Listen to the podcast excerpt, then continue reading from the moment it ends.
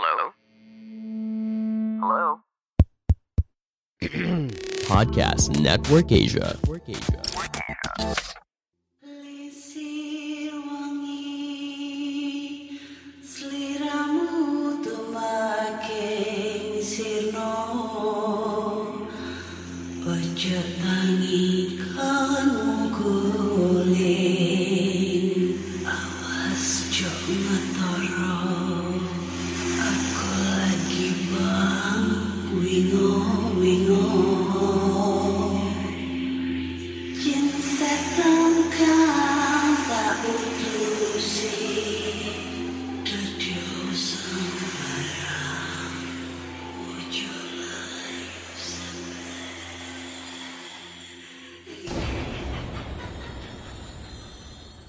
Hai Re, ya apa kabar Ketemu lagi dengan aku si Ana di podcast kisah horor dan kita bertemu di episode 172. Di episode kali ini aku akan membacakan cerita horor ataupun email berhantu yang sudah dikirimkan teman-teman melalui podcast kisah horor at gmail.com atau di Instagram podcast kisah horor serta Google Form yang tersedia di bio Instagram podcast kisah horor. Hari ini udah tanggal 21 April 2022 dan tandanya itu podcast kisah horor udah berumur 2 tahun ya. Selama 2 tahun ini teman-teman udah ngedengerin podcast kisah horor ya. Eh gak bosen gitu ngedengerin suara gua ngebacot sana sini terus habis itu apa ya? Menceritakan cerita-cerita horor nih dari pendengar-pendengar semua. Aduh, terima kasih banyak buat teman-teman semua yang udah nggak bosen ngedengerin podcast kisah horor. Terus terima kasih banyak buat teman-teman yang udah banyak kontribusi me, apa ya mengirimkan ceritanya via email, via DM, eh, via Google Form ataupun juga kolaborasi bareng dengan podcast kisah horor. Gak henti-hentinya saya mengucapkan banyak-banyak terima kasih. Tanpa kalian, gua nggak bisa sampai sejauh ini.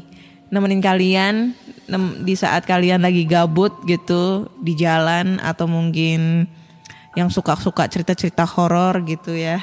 Aduh, grogi gue anjir. Mau ngadain giveaway apa nih? Nah, gue inget banget dulu waktu masih 2020 akhir ya pendengar gue tuh masih sekitar di Spotify itu ada 21 ribu. 21 ribu pendengar ya. Terus ada 100 ribu plays. Dan followersnya 2077 itu tanggal 12 Oktober 2020 ban terus abis itu tanggal berapa nih? Terakhir tanggal 20 September 2021 gue ingat banget ada pendengarnya 58.642 terus ada 379.347 plays. Dan followersnya udah 15.058 itu pada tanggal 20 September 2021 dan sekarang di tanggal 21 April 2022 waduh udah banyak banget anjir Hmm. Aduh, terima kasih banyak ya. Ini udah ada 83.398 pendengar di Spotify. Ada 632.299 orang ngeplay podcast kisah horor setiap episodenya di Spotify dan udah ada 23.964 followers. Gila. Itu di Spotify loh gila. Dan hampir 2 tahun ini selama 2 tahun ya berturut-turut podcast kisah horor masuk di top chart 200 besar Spotify Indonesia. Dan setiap bulannya pasti ada satu episode menjadi top episode gitu ya di Spotify. Gila. Aduh. Teman-teman terima kasih teman-teman. Dan sekarang podcast kisah horor juga udah bisa didengerin di Noise. Nah, di Noise itu gue inget banget di Noise itu nggak salah baru gabung itu sekitar Agustus 2020 eh 2021. Dan sampai di hari ini tanggal 21 April 2022 podcast kisah horor di Noise udah dapat subscriber atau followers sebanyak 100 eh 100 1447 subscriber. Gila. Nyam nyam nyam nyam nyam nyam nyam nyam. Gue seneng anjir. Terus di Spotify juga yang udah kasih rating bintang 5 udah banyak 214 yang udah ngasih rating ya yang udah ngasih rating itu udah ada sekitar 214 orang yang udah ngasih rating ke Spotify ya. Aduh terima kasih banyak buat teman-teman semua followers-followers yang ada di Spotify dan di Noise. Tanpa kalian semua gue nggak bisa sampai di detik ini. Gue nggak bisa sampai kolaborasi atau gabung sama pihak manajemennya Podcast Network Asia ya. Aduh thank you banget di tahun 2021 sampai sekarang uh, gue dipercaya atau podcast kisah horor dipercaya buat gabung menjadi salah satu podcaster di podcast network Asia. Nah, pasti banyak yang nungguin nih, Kak, giveaway-nya apa? Giveaway-nya apa nih? Gampang banget. Giveaway-nya adalah dari episode 1 sampai episode terakhir, ya. Episode 1 sampai episode terakhir episode mana yang menurut kalian itu paling menarik, paling nyeremin dan paling banget direkomendasiin buat teman-teman untuk didengerin gitu. Episode mana dan judulnya apa dan alasannya apa. Buruan nanti kalian segera komen di feed Instagram yang udah aku posting ya.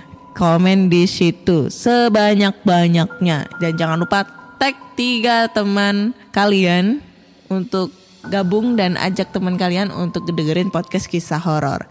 Nanti alasan dari kalian yang paling menarik akan ngedapatin giveaway hadiah lebaran ya THR nih THR yang THR-nya apa? Ya rahasia. Tunggu aja gitu ya. Jadi surprise gitu THR-nya apa. Jangan lupa ditunggu paling lambat tanggal 25 April. Eh jangan paling lambat 30 April. 30 April aja deh. 2022 ya. Mau mendekati malam takbir. Kan lumayan buat THR-an ya. Nanti kalau gua kasih tanggal 25 ah ntar abis duluan gak bisa lebaran nanti ya. Jadi gua kasih waktu tanggal 30 April 2022 nantinya gua pasti bakal posting tuh siapa pun menangnya. Penasaran dan pengen ikutan, langsung aja kirim komentar kalian di feed Instagram gua di podcast kisah horor. Oke? Oke, langsung aja kita bacakan cerita-cerita horor nih dan cerita pertama ini datang dari email. Judulnya adalah CCTV. Ini kayaknya seru nih ceritanya. Assalamualaikum warahmatullahi wabarakatuh. Waalaikumsalam. Selamat malam Kak Ana. Perkenalkan nama saya Sul. Nama panjangnya Sulaiman. Biasa dipanggil Sul. Hmm. Kali ini aku dapat cerita nih kak dari temen yang dulu sekantor dan dia sekarang kerja jadi security di sebuah pabrik di luar kota. Jadi temen aku Erwin punya rekan senior bernama Pak Yanto. Nah, Pak Yanto punya warung gorengan di sore hari. Nah, membuatnya rela mengambil shift malam. Selain nyantai, juga tidak panas. Terdengar asik, tapi ada juga hal yang sering menjadi kendala termasuk hal goib. Ya biasalah kak, kalau jaga malam pasti ada aja gangguannya. Suatu malam, Pak Yanto sedang melakukan monitoring di kantor. Saat itu shift malam sedang dilenggang. Eh, sedang dilenggang, sedang lenggang. Di layar monitor tampak seorang pegawai wanita memisahkan diri dari pekerja lain dan menuju pintu belakang. Kayaknya mau ke toilet dia, batin Pak Yanto. Iseng-iseng Pak Yanto melirik monitor yang menampilkan koridor. yang mana bakal dilewati mbak pegawai tersebut. Saat si mbak pegawai melewati koridor tersebut, screen langsung gelap. Feeling gak enak. Pak Yanto segera menuju lokasi produksi. A, si A di mana? Tanya Pak Yanto berbahasa basi. Si A sedang di toilet, Pak. Ada apa? Jawab seorang pegawai yang lain. Coba tolong panggilkan, ada perlu saya. Ujar Pak Yanto mencari alasan.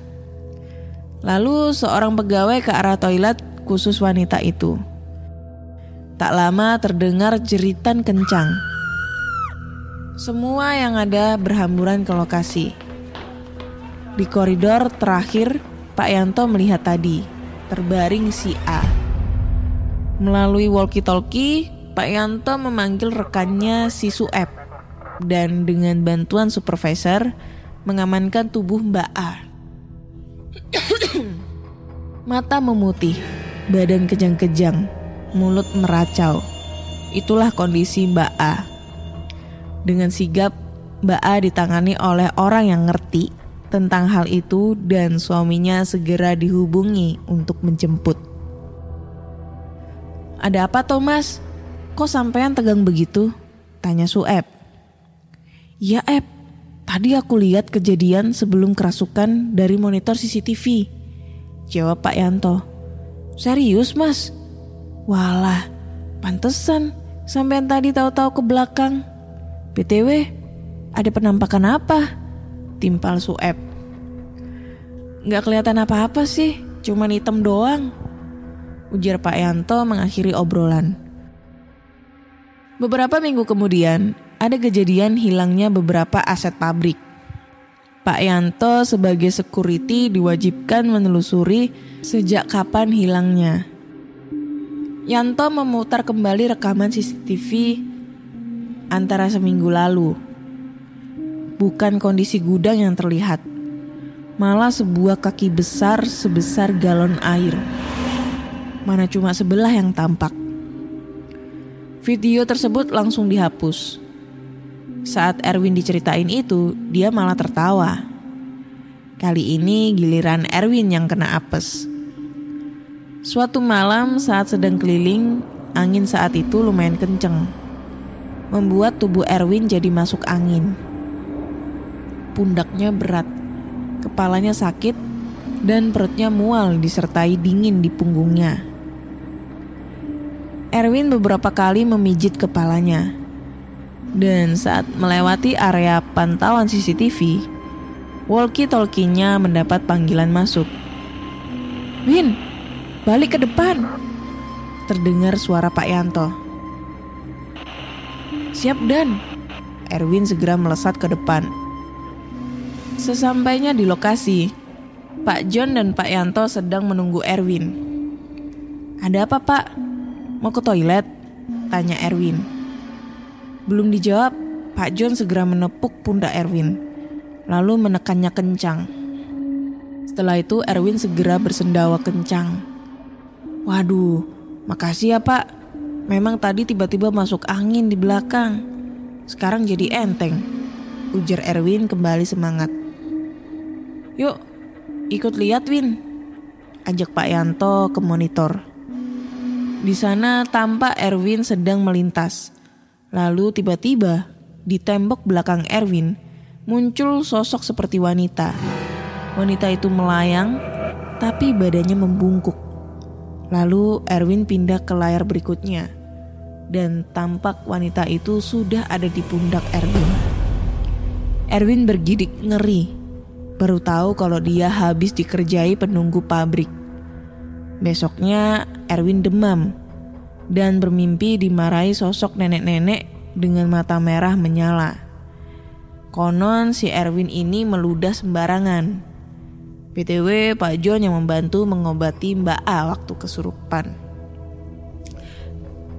Oke cukup sekian dulu cerita kali cerita dari aku ini kak.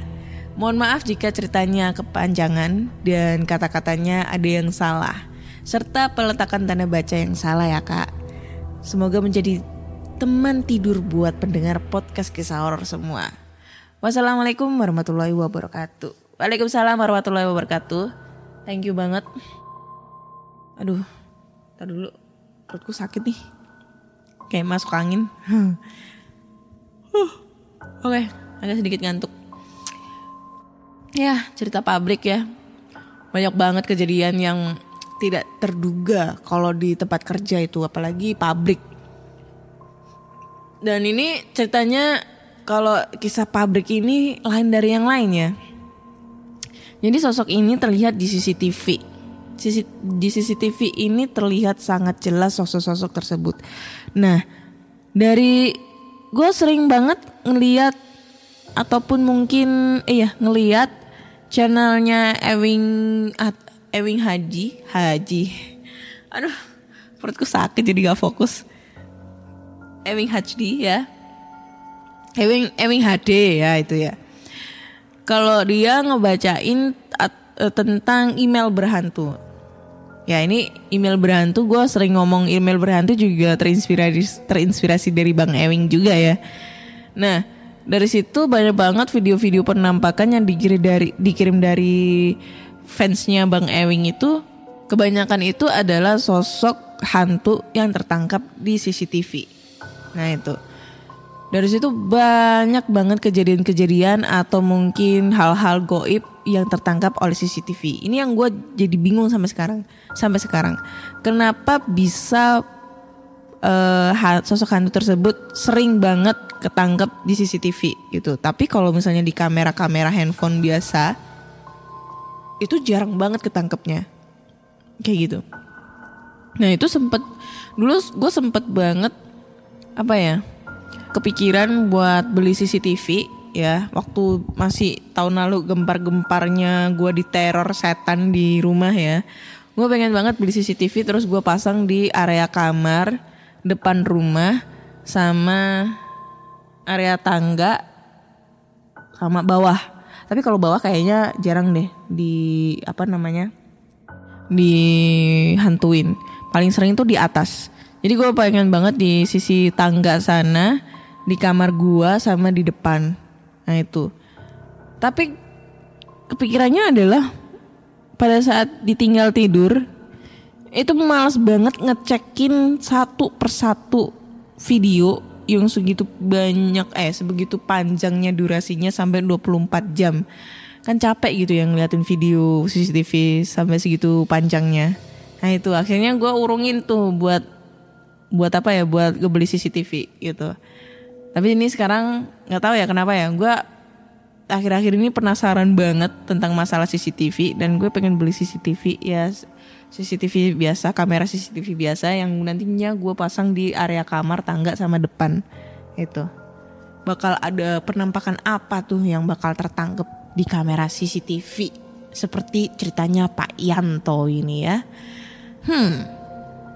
Dan cerita ini datang dari datang dari Nisa. Judulnya adalah Jelangkung. Jelangkung, Jailangse, itu ya. Oke.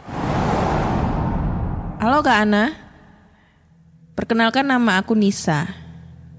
Kali ini aku bercerita tentang pengalaman pengalaman teman aku yang namanya Ayu. Jadi, kisah ini berawal dengan pindahnya si Ayu ke sekolah swasta. Ayu ini termasuk anak yang gampang bergaul dan sedikit nakal. Saat itu si Ayu sedang senang-senangnya dengan acara dunia lain. Pelajaran gak digubris, malah cerita soal uji nyali. Sampai beberapa hari hal itu berlangsung hingga tanpa sadar anggotanya bertambah. Sebut saja Mawar. Dia mengaku bisa berinteraksi dengan makhluk gaib. Ayu pun antusias dengan anggota barunya.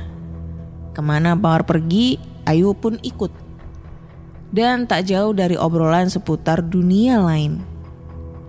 Suatu hari Mawar menyarankan agar para anggota obrolan untuk mengadakan acara jelangkung. Beberapa anggota langsung minggat dengan tampang masam. Beberapa orang yang tersisa mulai siap-siap dengan perangkat jelangkung permainan baru setelah setengah jalan. Tiba-tiba guru masuk dan memergoki mereka. Bermain jelangkung di jam pelajaran memang greget. Setelah kejadian itu, si Ayu mengaku sering merasa gelisah. Dia sering menjumpai sosok berkelebat di dapur rumah dan beberapa benda miliknya pindah tempat ke lokasi yang tak lazim. Contohnya HP dan lain-lain. Ayu kemudian berkonsultasi dengan Mawar dan Mawar pun bersedia membantunya.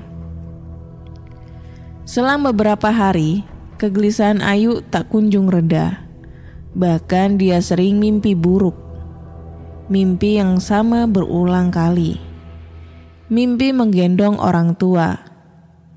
Keluarganya tak sadar, dikira dia sedang waktunya atau lagi M. Kejadian itu berlangsung hingga liburan sekolah.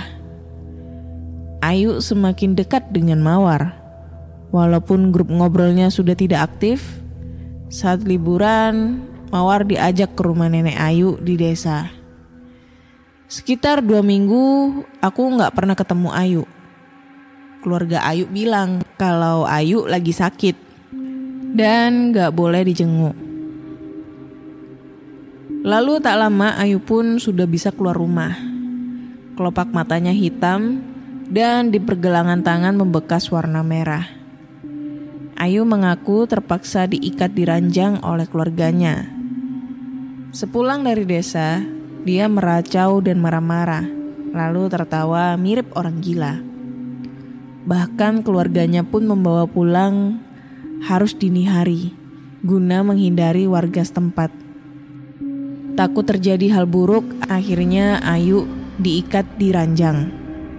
Paman Ayu segera menyelidiki asal mula kejadian di desa itu. Mulai dari keterangan nenek Ayu kalau dia mengajak teman sekolahnya. Nenek Ayu pun gak tahu apa yang dilakukan semasa liburan karena mereka tampak melakukan kegiatan normal. Paling-paling hanya jalan-jalan saja. Paman Ayu tak hilang akal. Dia mencari mawar di sekolah. Tapi anak itu jarang masuk. Hingga Paman Ayu bekerja sama dengan wali kelas. Kalau ada mawar segera minta dihubungi. Taktik berjalan lancar. Mawar pun siap diinterogasi. Kamu yang ikut Ayu ke desa kan? Coba jelaskan apa saja yang kalian lakukan. Ayu sampai sakit di rumah, ujar paman Ayu. Kami cuma jalan-jalan om, ya main-main begitu. Jawab Mawar santai. Main apa? Kok Ayu bisa sampai begitu? Ayo jawab. Si paman mulai naik pitam. Bahkan wali kelas yang tadinya ingin mendinginkan suasana malah ikutan menginterogasi Mawar. Ya main apa gitu? Jawabnya singkat. Jangan-jangan main yang kemarin dulu itu ya? Tanya wali kelas. Main apa pak? Sambung si Paman Ayu. Aduh, mereka ini sempat ketahuan main jelangkung di kelas pak. Jawab wali kelas. Akhirnya si Mawar mengaku dan membeberkan semua metodenya. Dia main jelangkung di sebuah kuburan untuk mencoba ilmunya. Dia meminta Ayu mengambil batok kelapa di dapur neneknya. Meminta Ayu meneteskan darah di batok tersebut. Awalnya berjalan lancar, hingga makin lama jelangkungnya tidak bisa dikendalikan. Mereka terpaksa meninggalkan jelangkung di kuburan tersebut. Paman Ayu segera pamit ke wali kelas dan melesat ke rumah nenek Ayu. Kuburan yang dimaksud pun langsung digeledah, namun tak menemukan boneka tersebut. Karena capek, si paman pun berbaring di ranjang yang dipakai Ayu. Entah korek api, entah uang koin, saya lupa. Pokoknya ada yang jatuh dari saku si paman dan masuk ke kolong ranjang. Si paman turun dan mengambil. Tak disangka, boneka yang dicarinya terbujur di sana. Butuh beberapa hari untuk melepas ikatan jin dan mencari Sukma Ayu. Kata orang pintar, Ayu seperti membuat kontrak dengan jin tersebut. Prosesi pun berakhir. Boneka itu dibakar oleh orang pintarnya. Tak lama Ayu pun sadar dia mengaku dikejar makhluk kayak babi hutan, lalu disekap di tempat gelap. Setelah kejadian itu terungkap, Mawar tak kunjung datang ke sekolah lagi. Misteri siapa itu Mawar dan ilmu apa yang dianutnya hingga kini masih jadi misteri. Bahkan sempat ada rumor kalau nama Mawar tak pernah terdaftar di sekolah itu. Oke, ini cerita keduanya itu kayak berasa kayak ini ya, film-film gitu deh. Aduh, endingnya si Mawar tidak pernah terdaftar di sekolah itu. Lalu kok bisa gitu loh sekolah di sana gitu ya. Terus masuk absen lagi. Kok bisa gitu.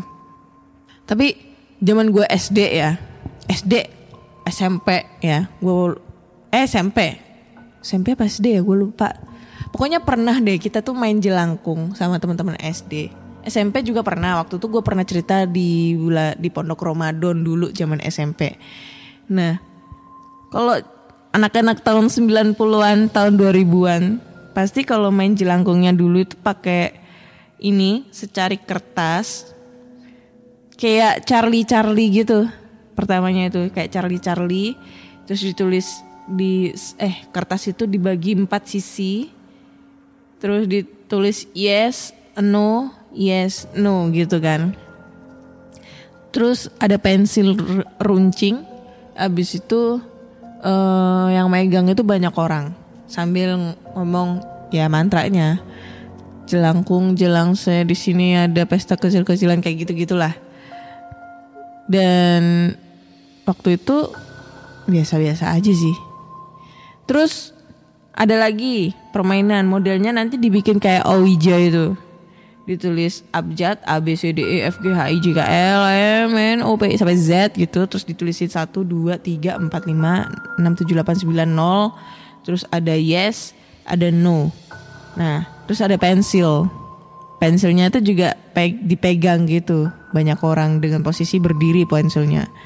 Terus baca mantra. Mantranya ya jelangkung, jelangse gitu tapi ya nggak ada apa-apa. Terus gua pernah kemarin, tepatnya kemarin ya tahun 2020 ya 2020 eh bukan. 2000 2019 ya 2019 waktu gue masih pertama kali main YouTube. Itu gue pernah collab sama salah satu youtuber asal Semarang yang uh, youtuber explore. Dia terkenal banget namanya Jokal ya Wih, gue udah sering banget nih cerita tentang dia anjing, mantan anjing dia itu. Jadi gue pernah skandal sama dia. Wah skandal anjir. Gak lah, maksudnya pernah pernah menjalin suatu percintaan gitu. Jadi gue dulu kan pernah, eh gue pertama kali bikin konten YouTube kan terinspirasi dari dia tuh. Dan akhirnya dia ngundang gue buat kolaborasi bareng. Waktu itu gue datang tuh ke Purwokerto Purwokerto terus datang di area daerah Baturaden ya. Kalau orang Purwokerto pasti tahu tuh Baturaden ya. Dan itu kita ke Alas Baturaden. Nah, waktu itu kita eh, collab itu di salah satu bangunan yang dibuat syuting Kuntilanak 2 yang di situ di rumah itu ada lukisan tadinya lukisan yang pernah di uh, ada di channelnya YouTube YouTube Ewing HD itu yang katanya matanya bisa bergerak gitu. Nah, tapi posisinya kita ke sana itu lukisannya udah nggak ada gitu ya. Itu kita ke sana. Pertama, waktu kita naik ke sana itu jujur gue berdua doang sama Ju. Temen-temennya udah dibawa karena gue emang datangnya telat nih dari Surabaya ke Purwokerto gila perjalanan berapa jam anjir dari jam 7 pagi nyampe sana setengah 12 malam perjalanan berapa jam gitu. Terus nyampe sana langsung take take lagi karena mereka udah take duluan jadi kita take lagi. Nah posisinya kita ke atas berdua tuh aku sama Jokal terus aku ditantang untuk uji nyali. uh, uji nyalinya itu disuruh main jelangkung, disuruh ba, uh, nyalain kota musik, disuruh bakar terasi. Nah karena terasi ini gak ada koreknya, koreknya gak kebawa, jadinya gue cuma main jelangkung sama nyalain kota musik kayak ala-ala di Conjuring gitu. Nah pas main jelangkung itu nggak tahu ya, karena mungkin mantranya salah pikirku atau apa, jadi gue ngerasa biasa aja gitu loh. Biasa aja, nggak nggak ngerasa kayak mm, yang wow banget gitu atau mungkin ritualnya yang salah mungkin seperti kayak Ayu harus meneteskan darah gitu terus ditetesin di batok kelapa gitu gua nggak tahu. Tapi nggak ada acara gitu-gituan cuma disuruh ada jelangkung boneka jelangkung terus dibacain mantra gitu. Coba ya nggak ada nggak ada kejadian hal yang menakutkan gitu ya. Walaupun gua disuruh acting juga gua nggak bisa gitu. Ya gua ngerasa kalau udah nggak ada ya nggak ada. Gitu deh gue nggak pernah ngerasain yang serem banget. Tapi by the way gue pernah ke salah satu museum kesehatan yang ada di Surabaya. Itu pernah ada di channel YouTube aku. Kayaknya gue ngevlog terakhir itu ya di situ. Jadi di situ museum kesehatan adalah museum yang apa ya me- mempunyai seluruh peralatan-peralatan kesehatan dari zaman dahulu sampai sekarang. Nah, di situ ada yang namanya jelangkung sama nini towo. Nah, kalau jelang modelnya kayak nini towo juga sama kayak jelangkung. Jadi ibaratnya kalau jelangkung itu boneka cowok, kalau nini towo itu boneka cewek.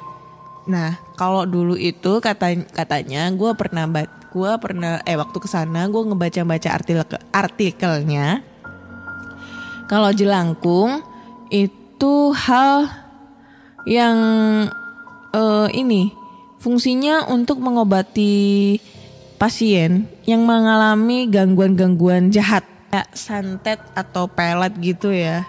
Nah, sedangkan kalau Nini Towo itu dia malah yang membuat apa ya?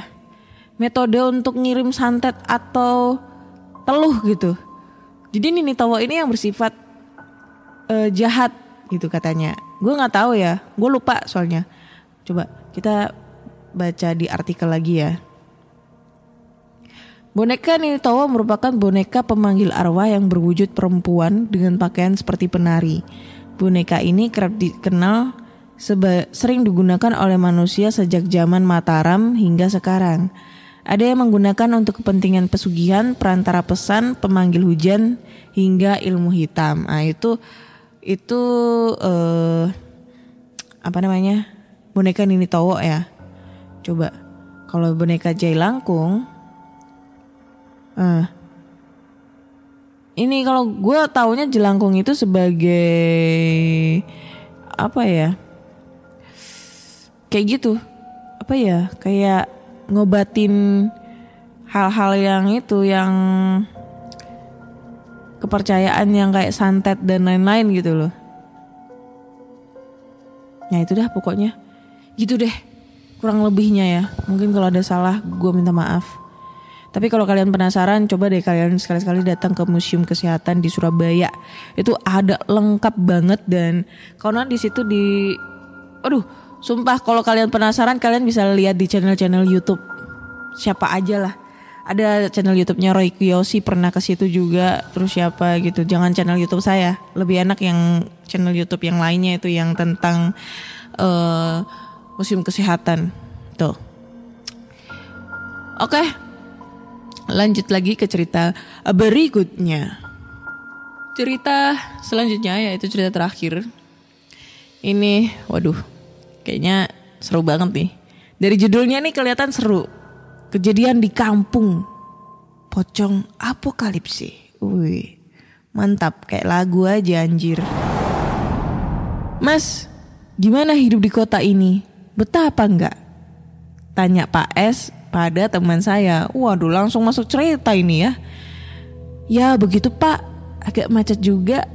Nggak kayak di kampung saya, jawab Mas D. Tempatmu masih pelosok ya mas? Tanya Pak S lagi. Ya kalau dibilang pelosok banget sih, enggak pak. Tapi adatnya masih cukup kental, jawab Mas D. Kira-kira banyak nggak sih horornya mas? Tanya saya tiba-tiba ikutan nimbrung. Lumayan mas, saya ceritain deh. Waduh. Awalnya aja udah masuk cerita nih. Waduh, ini kayaknya seru nih. Oke langsung aja ya. Mas D, ini perantauan dari kota sebelah. Dia tinggal bersama sanak saudara di kota. Di kampung Mas D terdapat sebuah madrasah ibtidayah atau MI. Bangunannya cukup kuno dan jarang direnovasi oleh pihak sekolah.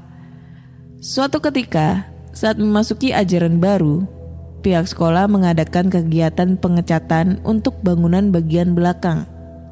Pengecatan meliputi kelas dan sebuah kamar mandi. Tak makan waktu lama, proses pengecatan pun selesai dan kamar mandi siap digunakan. Beberapa hari setelah pengecatan, ada keributan kecil di sekolah itu.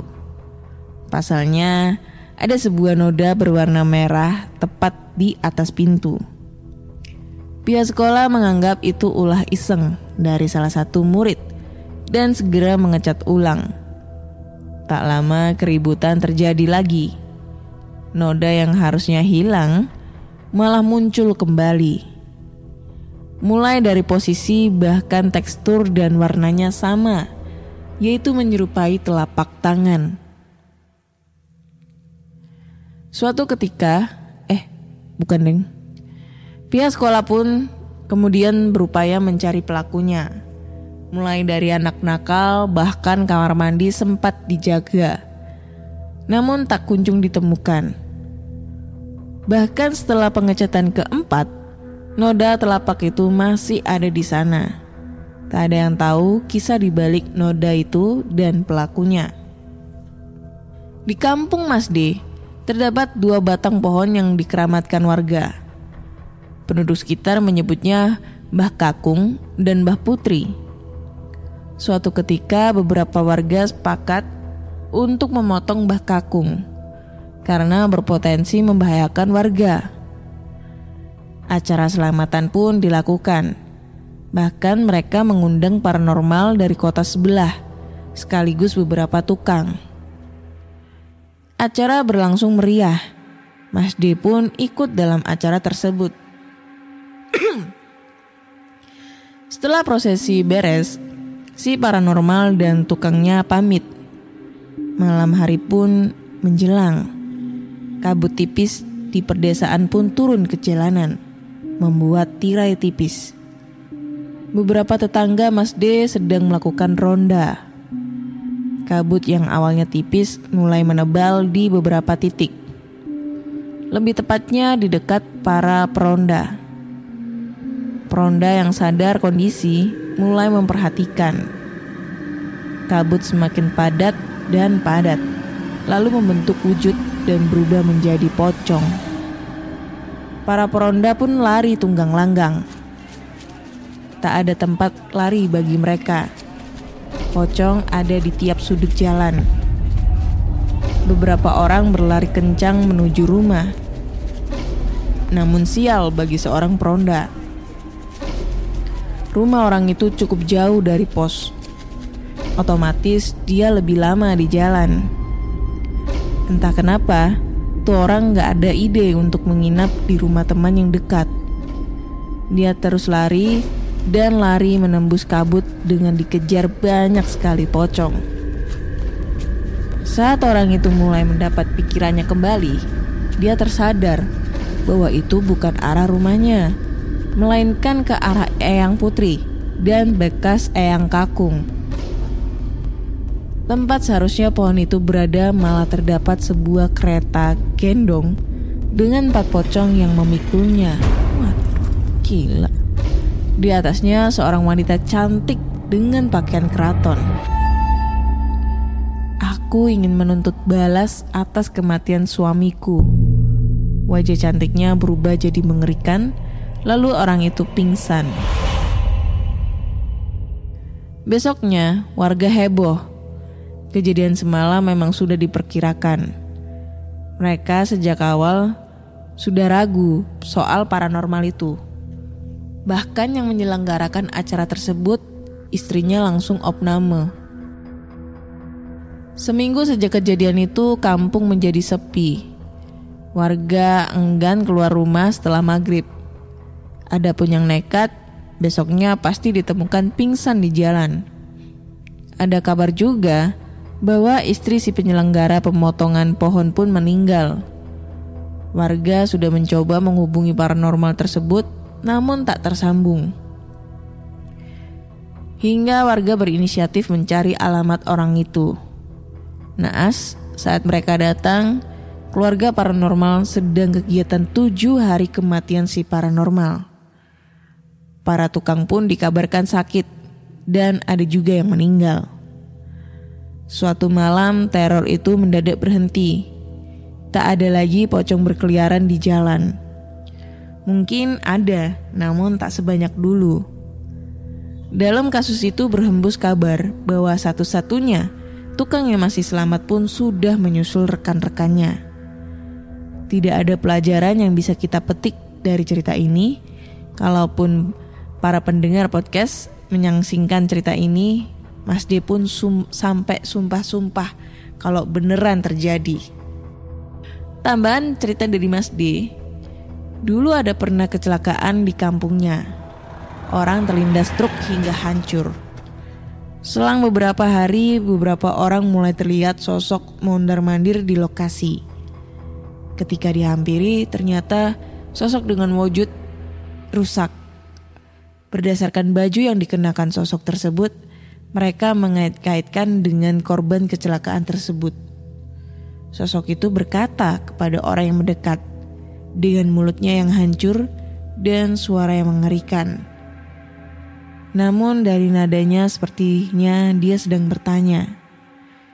Polisi yang sempat bubar setelah menandai lokasi pun kembali ke TKP. Mereka sedang mencari sesuatu, mungkin bukti ataupun apa pun itu. Tak lama, benda itu ditemukan. Sebuah jari dengan cincin yang ternoda darah melekat di jari itu. Setelah kejadian itu, sosok mondar-mandir tak lagi terlihat. Konon menurut cerita, orang itu hendak menikah setelah bertukar cincin dengan tunangannya. Namun naas, dia jatuh ke pelukan maut terlebih dahulu. Oke, aduh, ini endingnya ini yang gue agak serem itu adalah yang cerita tentang kecelaka kecelakaan ini ya. Itu itu sama banget dengan kejadian yang pernah gue ceritain di episode-episode sebelumnya ya yang cerita tentang pengalaman gue sendiri sama cerita pengalaman tentang yang dulu gue yang gue ingat banget yang dia cerita yang temennya habis dari pengajian terus kecelakaan dan ternyata kakinya yang sebelah itu hilang. Terus ditemukan di semak-semak sama temannya sendiri gila. Itu emang bener adanya sih. Kayak apa ya? Kayak kalau misalnya ada orang kecelakaan terus salah satu anggota tubuhnya menghilang ya mau nggak mau kita harus cari gitu supaya dia nggak sedih gitu di akhirat sana. Gitu deh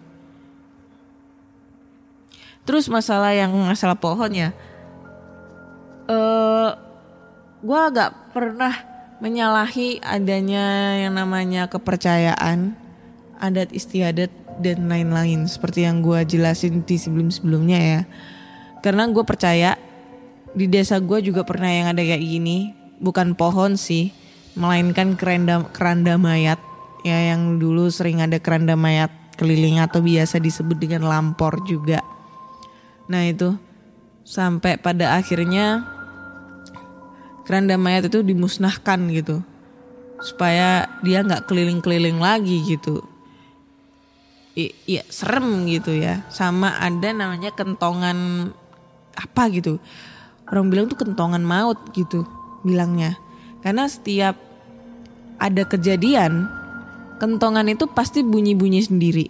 Padahal kentongan itu udah umur puluhan tahun udah kayak udah kayunya itu udah kayak mau kemakan rayap tapi masih kokoh gitu di gantungan tapi jarang ada orang yang mukul kentongan itu kecuali kalau ada kejadian darurat. Kalau misalnya ada kejadian orang meninggal, orang apa gitu itu biasanya di uh, orang-orang pakai speaker masjid gitu, speaker musola gitu untuk pengumuman. Tapi uh, di desanya nenekku itu masih kalau misalnya ada orang meninggal, itu kan nggak udah nggak pakai kentongan lagi, Ketok, kentongan cuma pada saat keadaan kedarurat kayak orang kemalingan, kebakaran dan apa-apa itu dia pasti pakai kentongan. Tapi kalau orang meninggal udah pakai speaker masjid. Tapi pada suatu saat pas ada orang mau meninggal, sebelum sebelum eh, ini imamnya apa sih yang pokoknya marbotnya masjid mengumumkan itu kentongan udah bunyi dulu. Habis itu orangnya meninggal baru pengumuman di masjid. Itu serem anjir sumpah. Kayak kentongannya itu tahu gitu loh masa depan kita. Tahu ajal kita kapan gitu. Jadi dia bunyi dulu terus abis itu meninggal terus ada pengumuman di masjid. Kayak gitu deh. Oke kayaknya cukup sekian dulu cerita di episode 172 ini so buat teman-teman semua Jangan lupa dengerin podcast kisah horor di Spotify, Google Podcast, Apple Podcast, dan di Noise. Aduh, agak masuk angin nih cuy. Dan jangan lupa juga kasih rating bintang 5 untuk podcast kisah horor di Spotify. Dan dengerin juga podcast kisah horor di Noise.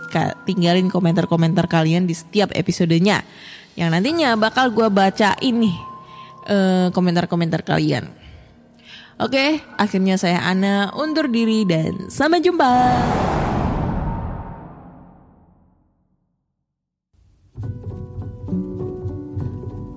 Pandangan dan opini yang disampaikan oleh kreator podcast, host, dan tamu tidak mencerminkan kebijakan resmi dan bagian dari podcast Network Asia.